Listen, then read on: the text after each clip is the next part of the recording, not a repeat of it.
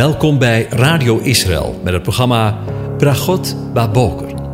Een kort ochtendprogramma waarin een gedeelte uit de Bijbel wordt gelezen en besproken. Met Bragot Baboker wensen onze luisteraars zegeningen in de ochtend.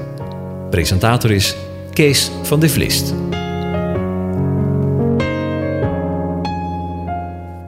Goedemorgen, Bokatov, beste luisteraars.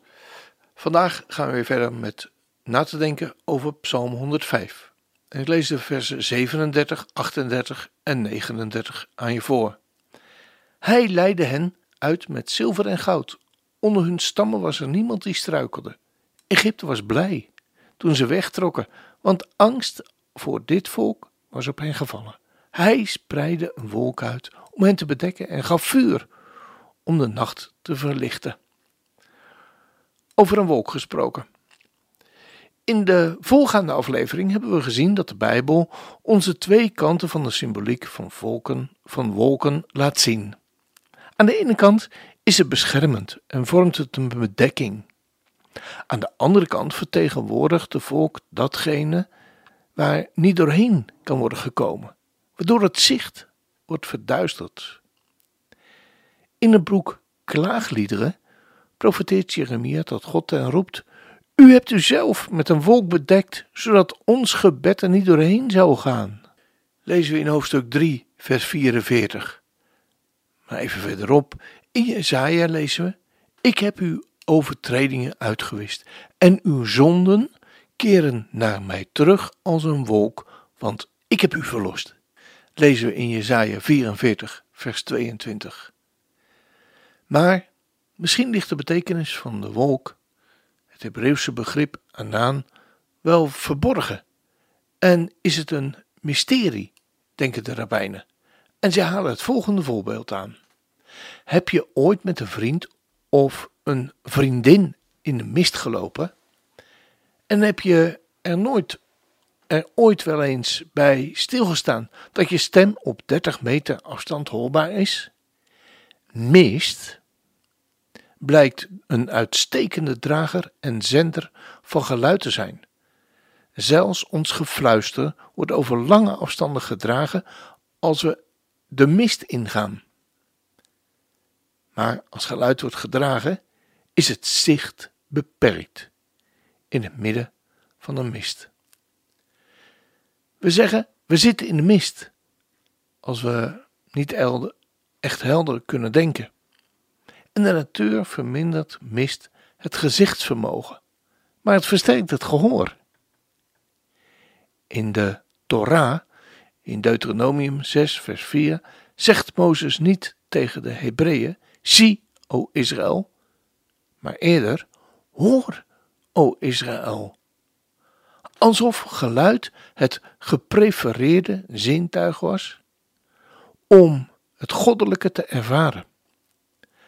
Er schuilt een mysterie in het beperken van het gezichtsvermogen om het gehoor te vergroten. En daarom sluiten de Joden hun ogen wanneer zij het Shma zingen. Hoor, o Israël. Het mysterie lijkt te maken te hebben met wat we waarnemen als dichtbij en veraf. Net zoals de mist geluid geleidt en het zich verduistert, zo lijkt geluid dichtbij te brengen wat eigenlijk heel ver weg is. Probeer maar eens te luisteren naar iemand waar je omgeeft, met je ogen open. De woorden die je hoort kunnen inspirerend of mooi zijn, maar het, het zien creëert een gevoel van realiteit, van scheiding, van wat buiten je is. Als je met je ogen open luistert, heb je een relatie met de persoon die aan het woord is. Maar wanneer je naar dezelfde persoon luistert met je ogen dicht, gebeurt er iets bijzonders met je dieptewaarneming. Het is moeilijker om te onderscheiden hoe ver de persoon van je verwijderd is zonder je gezichtsvermogen. Sterker nog, het kan lijken alsof de woorden van binnenuit komen in plaats van iemand anders. Als je met je ogen gesloten luistert. Op een allegorisch niveau leerde Rabbi Shlomo Karlebach dat dit de reden is dat we onwillekeurig onze ogen sluiten als we iemand kussen van wie we houden. Het is alsof ons hele wezen zegt: Je bent een deel van mij, ik ben een deel van jou.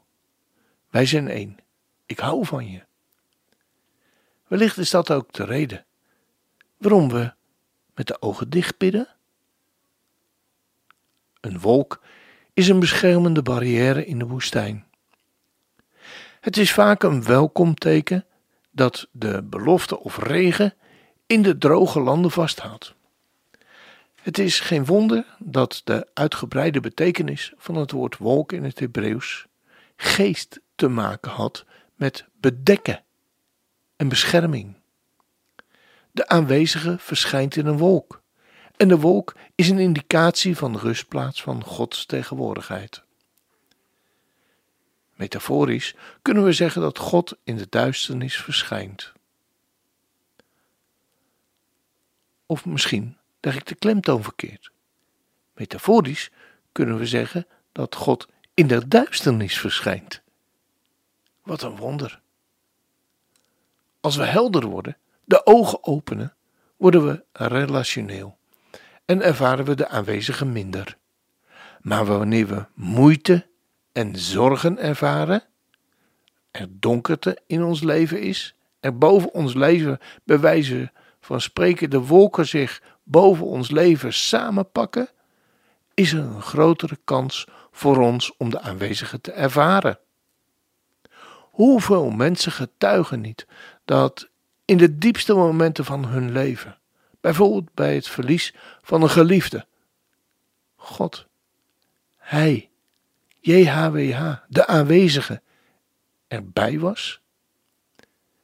We denken dat we geld minder nodig hebben als er duidelijkheid in ons leven is. Maar wanneer iets onzicht verduistert, ervaren we Zijn aanwezigheid. Een voorbeeld is met betrekking tot het zicht dat we s'nachts het ver zien, verst zien. We denken dat licht ons in staat stelt te zien. En op een bepaald niveau doet het dat natuurlijk ook. Maar licht verlicht alleen dat wat dichtbij is. In feite houdt het licht ons ervan om de verste afstanden te zien. Wanneer kunnen we de sterren zien? S'nachts, wanneer er alleen duister is. Duisternis is tussen onze ogen en elke ster. Zoals mist geluid geleidt, zo geleidt duisternis het zicht. S'nachts kunnen we sterren zien, die lichtjaren verwijderd zijn. Overdag zorgt het zonlicht ervoor dat we die grote afstanden niet kunnen zien. Het licht van de zon vernietigt elke mogelijkheid om de sterren te kunnen zien. Er is geen situatie in het leven waarin de aanwezigen zijn kinderen, u en mij, in de steek laat. Hij is aanwezig in de donkerste nachten. Misschien is hij dan ook wel het dichtst bij, of ervaren we hem het dichtst bij, in de nachten van pijn en mislukking, evenals op de dagen van vreugde en voorspoed. Het is waar dat we hem s'nachts nodig hebben, wanneer we onze zwakheid beseffen, maar misschien nog meer overdag, wanneer we ons sterk voelen. Hoewel deze zichtbare wolk vandaag de dag niet meer wordt gezien, kan Gods krachtige aanwezigheid nog steeds krachtig worden ervaren in ons leven, in Zijn woord. Als dat geen zegen is. We gaan luisteren naar het lied God van Licht. En als u heel goed luistert, hoor u die kinderstemmetjes.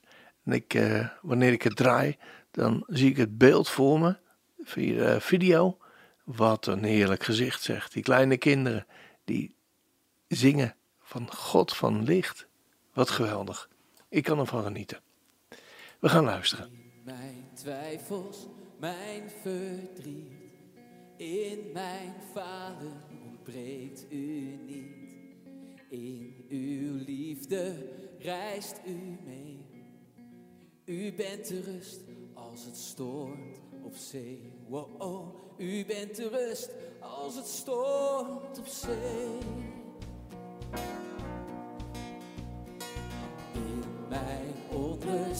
U mijn hand. In mijn vragen houdt uw woord stand.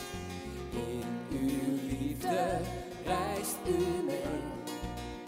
U bent de rust als het stormt op zee. Oh, oh, u bent de rust als het stormt op zee.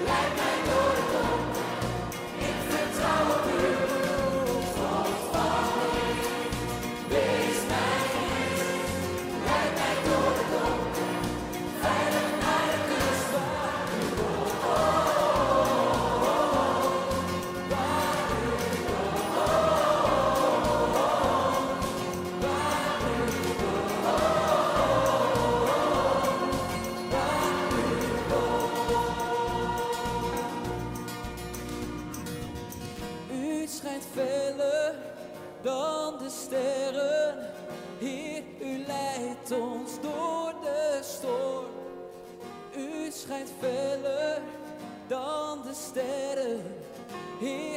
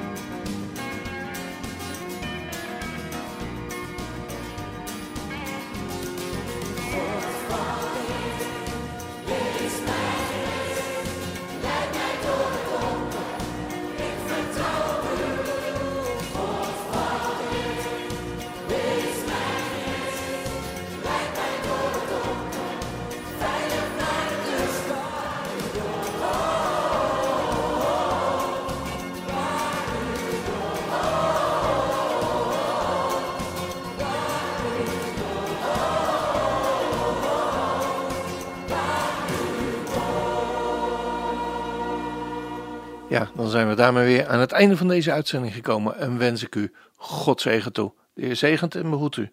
De Heer doet zijn aangezicht over u lichten en is u genadig.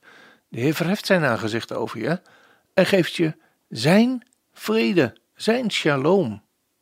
Amen.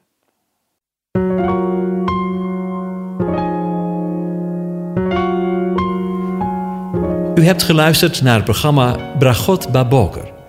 Een kort ochtendprogramma waarin een gedeelte uit de Bijbel wordt gelezen en besproken. Wilt u het programma nog eens naluisteren, dan kan dat.